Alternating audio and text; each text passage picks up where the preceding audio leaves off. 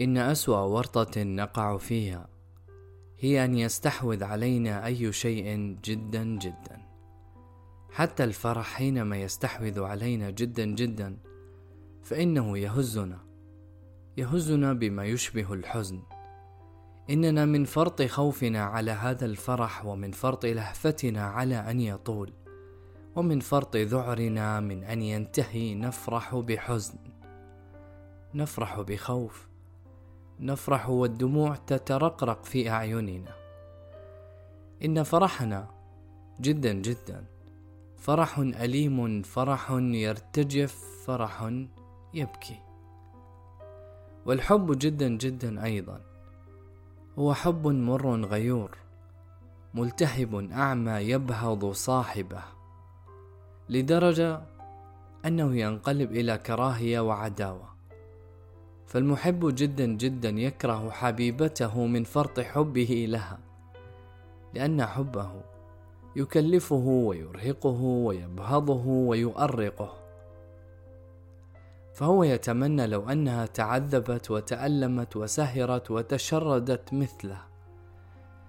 يتمنى لو أنها كانت على شفا الموت ونادته لو أنها كانت تحترق ومدت له يديها لينقذها. لو أنها كانت تعبده حبا وهو يتمنى عليها. لو أنها كانت تخلص له وهو يخونها. إن عذابه يجعل مخيلته تموج بصور العداوة والانتقام والتشفي. إن الحب جدا جدا. حب فيه نفورا وبغضا بقدر ما فيه من حب. إنه لعنة. والثراء جدا جدا أيضا. هو فقر مدقع في نفس الوقت. فقر في الحواس. حواس الغني جدا جدا المترف جدا الشبعان المتخم الدفيان تتبلد وتكسل أشواقه ولهفاته تكسل. ولماذا يشتاق؟ ولماذا يتلهف؟ وكل شيء بين يديه. والجوع جدا أيضا. يقتل حتى الإحساس بالجوع. وينتهي بموت الحواس وبشبع الفناء وقناعة الجدث الهامد. والفقر جدا يؤدي إلى الاستهتار والإسراف والاستهانة بالرزق من فرط قلته. وكما يقول المثل ضربوا الأعمى على عينه قال خسران خسران والشيخوخة جدا تؤدي إلى انحلال العقل والعودة بالتفكير إلى سذاجة الطفولة وهذيانها. والضعف جدا يؤدي إلى جبروت الشخصية وقسوتها. وأصحاب العاهات جبابرة. والقصار جدا بهلونات سيرك وأدنياء الأصل طميحون. طلابون للعلا وأبناء الوجهاء عوطلية. والاستهتار بشدة يؤدي إلى التوبة والرهينة. والإغراق في اللذة يؤدي إلى النفور من اللذة والارتداد إلى الدين والصومعة والاستقامة بشدة تؤدي إلى الضيق بالاستقامة. وكل شيء يزيد على حده ينقلب إلى ضده. وجدا جدا هي الجرس الذي يدق لتنقلب الصفات على رأسها. البركات تصبح لعنات والسيئات تصبح حسنات.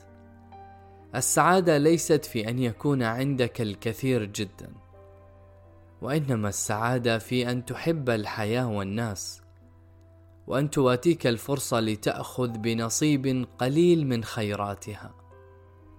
إن القليل الذي تحبه يسعدك أكثر من الكثير الذي لا تحبه. والقليل يحرك الشهية بينما الكثير يميتها. وبلا شهية لا وجود للسعادة.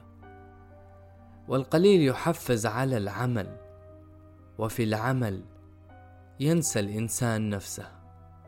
وينسى بحثه عن السعادة وهذا في الواقع منتهى السعادة.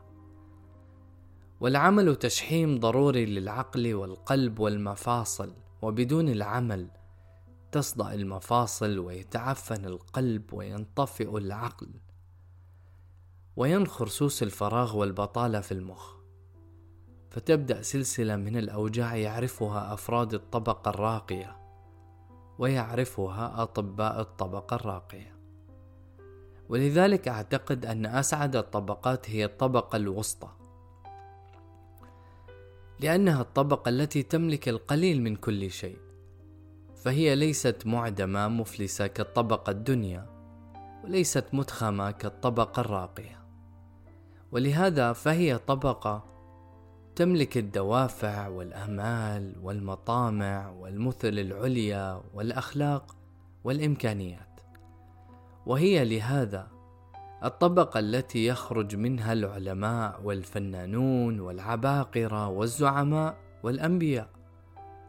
ومن فضائل الوسطيه أنها تضغط الطبقات وتذيبها في عجينة متوسطة خصبة وتشغل جميع الأيدي بالعمل.